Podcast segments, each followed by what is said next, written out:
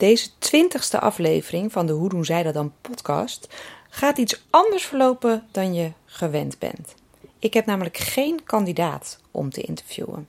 Maar dit is een aankondiging voor een zomerbreak. ook al gaan we nog niet op vakantie, toch start ik vast om vast in die stemming te gaan komen. En dat is niet alleen om in de vakantiestemming te komen, maar ook om mezelf een moment te gunnen om te reflecteren. We zitten namelijk nagenoeg op het einde eh, van het eerste half jaar van 2019. En hoe cliché dat ook altijd klinkt met kleine kinderen, maar wat vliegt de tijd toch? En dus vind ik het altijd heel belangrijk om even stil te staan bij wat er tot nu toe is gebeurd en of ik het jaar nog leef zoals ik me had voorgenomen. Want in december maak ik altijd een vision board en een doelenlijst met hoe ik wil dat 2019 eruit gaat zien. Hoe het eruit ziet, wat ik ga bereiken en vooral ook wat ik wil beleven en hoe ik me wil voelen. En dan is het altijd een gevaar dat als je in de waan van de dag van hot naar her rent, wat we allemaal kennen, dat we aan het einde van 2019 denken: jeetje, dat had ik wel zo heel erg mooi bedacht. Maar heb ik nou eigenlijk het jaar geleefd zoals ik het zo graag wilde? Nou, daarom plan ik gedurende het jaar al een aantal van dat soort reflectiemomenten in. En het half van het jaar vind ik daar een prachtig moment voor. Wat ik daar onder andere voor gebruik, los van het terugkijken op mijn doelen en mijn vision board, zijn de vragen van Bronnie Ware. Ik heb volgens mij al wel een aantal keer over haar verteld in voorgaande podcast. Zij is een Australische stervensbegeleidster. En zij ontdekte in haar jarenlange werk met patiënten die terminaal waren, dat zij frappant genoeg van dezelfde dingen spijt hadden in het leven. En ze schreef daar een prachtig boek over, Regrets of the Dying. En daarin omschrijft ze vijf punten waarin de meeste mensen spijt hebben als ze terugkijken op hun leven. En die punten nalopen en kijken of, of ik niet als ik op mijn sterfbed lig van dezelfde punten spijt heb, die zijn voor mij altijd enorm krachtig. Dus wat ik zal doen is dat ik uh, die vijf punten ook in de show notes van deze podcast op zal nemen, zodat jij ze wellicht ook kan gebruiken om te kijken of je nog op koers zit. De komende tijd ga ik dus hiervoor gebruiken. En ook om een workshop te ontwikkelen die ik gratis aanbied aan bedrijven die interesse hebben in de training leren balanceren. Het is eigenlijk een soort voorproefje. Als je zo'n vier maanden traject bij ons gaat volgen, wat kun je dan verwachten? Nou, daarnaast wil ik ook natuurlijk graag hele mooie nieuwe podcastkandidaten selecteren. Heb je overigens tips en goede ingangen, laat het me vooral weten. Mail me op caroline.succesvolbalanceren.nl Kan je vast verklappen dat ik er voor het najaar al twee prachtige kandidaten klaar heb staan. En nog iets heel leuks. Kun je je herinneren dat ik in podcast aflevering 13 Kim en Rob interviewde? Die samen met hun zoontje op Tenerife wonen. Nou, dat interview gaat tot iets ontzettend gaafs leiden. Want samen werken we aan een, ja, uh, hoe zal ik het noemen? Dat is overigens nog wel waar we dus onder andere aan werken. Hoe gaan we het noemen? Noem het een vakantie met inhoud. In de herfstvakantie gaan we op Tenerife voor werkende ouders een trainingsvakantie organiseren.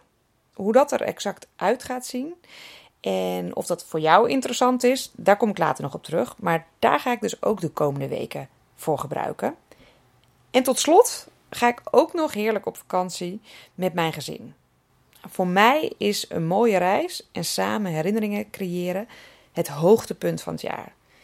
Nou, ik weet echter dat het ook voor heel veel mensen voor heel veel stress kan zorgen. Het levert in ieder geval vaak prachtige plaatjes op op social media, maar achter die plaatjes is het niet altijd even leuk. Nou, en daarvoor heb ik een tip voor je. Want wat wij altijd doen, is dat we voordat we op vakantie gaan, vakantieafspraken maken. Of voordat, je kan het ook in de auto of in het vliegtuig doen, of hoe je op vakantie gaat. En wat die vakantieafspraken inhoudt, is dat we met elkaar bespreken wat belangrijk is om te zorgen dat de vakantie een succes wordt. En heel nadrukkelijk gaat het om met elkaar bespreken. Want tenzij je kind echt nog uh, 1, 2, 3 is en nog niet zo heel soepel praat, is het belangrijk om je kind daarin een stem te geven.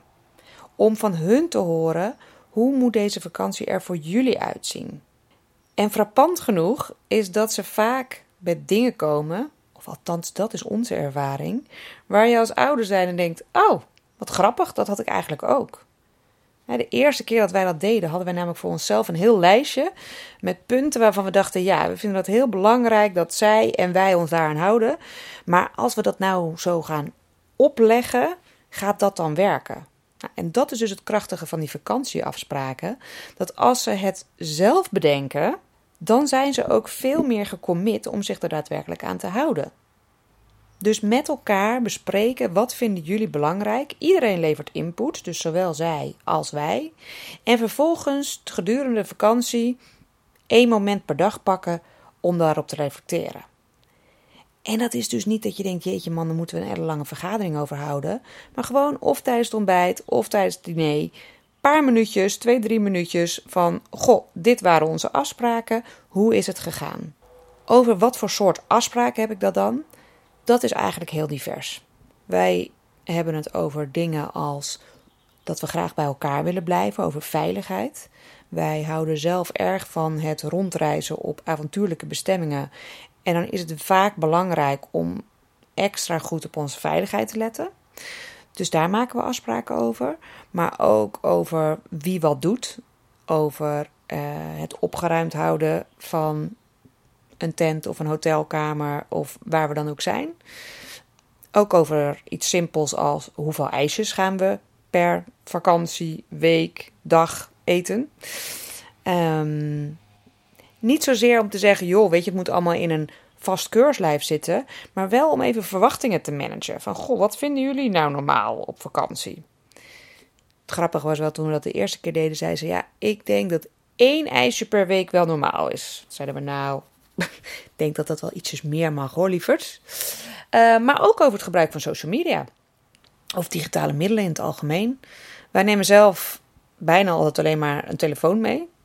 Maar daar kan je natuurlijk ook je behoorlijk uitleven op social media. Dus met elkaar maken we dan afspraken over ja, wat vinden we oké tijdens deze vakantie. Voor zowel onze kinderen als voor ons. En om ons daar met elkaar aan te houden. Ik wens je in ieder geval een hele fijne zomervakantie. En ik beloof je bij deze dat er aan het einde van de vakantie weer een aantal prachtige podcastafleveringen voor je klaarstaan.